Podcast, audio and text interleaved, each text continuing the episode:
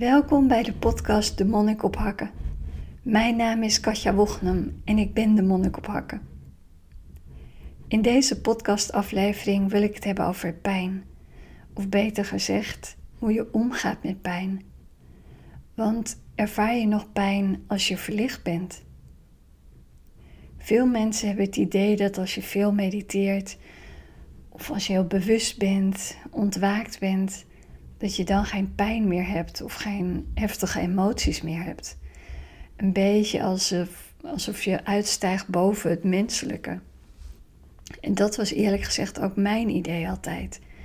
Ik had ook een beeld in mijn hoofd van hoe het leven eruit zou zien als ik um, heel bewust zou zijn of als ik heel veel zou mediteren. Een beetje als, um, als de um, Paramahansa Yogananda. Dat, is een, nou, dat was een groot voorbeeld voor mij. En ik heb van hem een foto. Ik geloof dat het op, op de cover van een boek staat van hem. En op die foto kijkt hij heel erg zen. Heel sereen, heel rustig, met zo'n kleine glimlach en nou, hele mooie ogen. Hij straalt kalmheid uit. En dat was voor mij mijn streven. Zo van, ik wil worden zoals hem. Ik wil mijn hele leven leiden met zo'n innerlijke rust en glimlach. En in dat beeld paste dus niet dat ik ergens boos om zou zijn of dat ik ehm, pijn zou hebben. En mijn verbazing was dus ook groot dat ik voordat ik zelf monnik werd, had ik twee monniken uh, in mijn huis te gast. En een van die monniken vroeg mij om een aspirintje, want ze had hoofdpijn.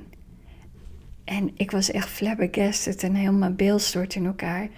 Want zij was al heel lang monnik. En ze mediteerde ontzettend veel. Al jaren. Ik dacht, ja, maar als zij nog steeds een aspirintje nodig heeft, hoe kan dat dan? Ze zou toch op zijn minst door het mediteren die pijn weer moeten uh, laten verdwijnen of zo. En dat was echt mijn idee van dit, dat hoort er niet meer bij. Ik zat fout. Toen ik ehm, bijvoorbeeld terugkwam van een half jaar in retraite bij mijn leraar. Toen heb ik echt eh, heel veel gemediteerd, zo'n half jaar lang. Nou, tussen de 10 en 15 uur per dag. En toen ik terugkwam, Ehm, en weer in mijn eigen huis in Amsterdam was, niet lang daarna overleed plotseling een vriend van mij. En het was echt een shock voor mij. Ik uh, was helemaal van slag en ik had ontzettend veel verdriet. En wat zeiden de mensen om me heen? Zo van, ja, hoe kan dat nou? Je bent een half jaar aan het mediteren en dan ben je zo van slag door het overlijden van iemand die niet eens dichtbij je staat, die niet je partner is. En dat raakte mij natuurlijk. Ik had zoiets van, ja, ik weet het niet, maar er is alleen maar verdriet. En ik denk dat dat echt een paar dagen duurde. Het was heel, heel intens. Maar toen het verdriet eruit was, was er zo'n rust weer. En was er een, ehm, een oké zijn met de situatie. Het was niet meer dat er steeds nog een, een, beetje verdriet kwam of wat dan ook. En wat ik daardoor ervaren heb, is dat als je heel erg in het moment bent, dan kun je het, dat wat er is, of het nou verdriet is, of een boosheid, of uh, een frustratie, dat wat er aan emotie is, kan ik volledig door me heen laten komen. Ik hield niks meer tegen. En voorheen um, ja, deed ik een beetje wat gepast was. En daardoor ga je een stukje inhouden, omdat je het niet wil tonen aan andere mensen. Of uh, je vindt het zelf te veel, je vindt dat het wel weer genoeg is. Maar als je volledig in het moment bent, dan kun je alles wat er is door je heen laten stromen, ongefilterd met het resultaat is dat het daarna uit je lichaam is. Dat je niet bepaalde resonanties vasthoudt van verdriet of van pijn of van wat dan ook. Het is dus niet zo dat als je veel mediteert, dat er geen pijn meer is. Zeker niet. Um, sterker nog, de laatste jaren heb ik juist heel veel lichamelijke pijn en ongemak ervaren. Het verschil is hoe ik ermee omga. En hoe ik ermee omga is dat ik er dus laat zijn precies zoals het er is. Precies zoals het aankomt. Niets meer filteren. Weet je wat grappig is, wat ik ook geleerd heb, is dat het niet zozeer uh, de pijn is die ons pijn doet, maar de weerstand tegen de pijn. We willen niet dat het er is. En die weerstand komt vanuit de mind. Toen ik dat hoorde van mijn leraar, ben ik daar ook mee gaan spelen en ben ik heel alert gaan kijken. Ehm, als ik pijn had, en dat was voor mij heel vaak uh, hoofdpijn. Ik ben een migraine, uh, nou ja, patiënt klinkt zo zielig, maar ik heb vaak last van migraine. En ik begon te kijken naar de weerstand. En dat, dat duurde even voordat ik het door had. Maar als je het eenmaal door hebt, dan zie je dat de weerstand ehm, nog meer pijn geeft. En als je niet proberen de weerstand weg te krijgen, niet proberen van oh het is helemaal oké en, en, het uh, omarmen, maar gewoon alert zijn op de weerstand. Dus als je als het ware je licht erop schijnen, het licht van bewustzijn. Als ik alert was op de weerstand en er gewoon nou ja, vanuit nieuwsgierigheid naar keek, dan merkte ik dat de weerstand minder werd en tegelijkertijd werd dan ook de pijn minder. En waarom? Omdat ik het niet erger maakte. Dat is een leuk voorbeeld uh, wat je misschien herkent met kleine kinderen. Uh, soms uh, vallen ze en dan hebben ze een kapotte knie en dan staan ze op, niks aan de hand. En dan kom jij aanlopen en je zegt, oh, want die knie die is helemaal open en, en bloed en uh, nou ja, wat, wat uh, steentjes zitten erin.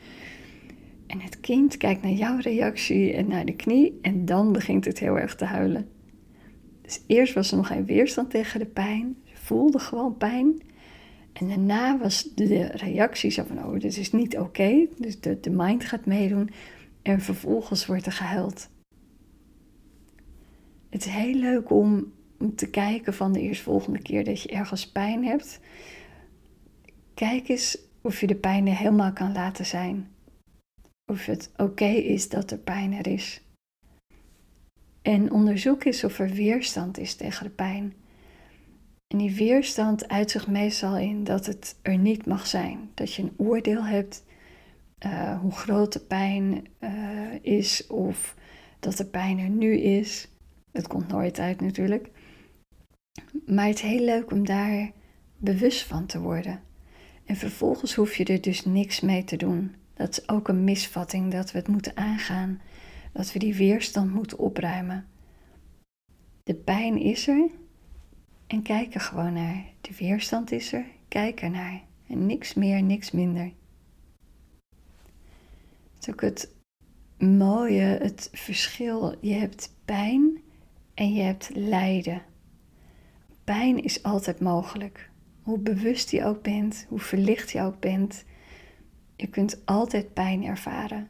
Je kan altijd uh, van alles op je pad komen, hoe heftig ook. Dat, daar heb je geen controle over. Lijden is onze reactie op de pijn. Het lijden is dat je het in de mind groter maakt dan het is. In het Engels noemen ze dit suffering.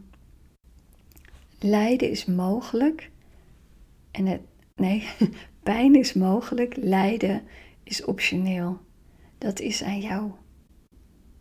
Hoe meer je het in de mind gaat eh, veroordelen of een verhaal erover maken, hoe groter de pijn wordt.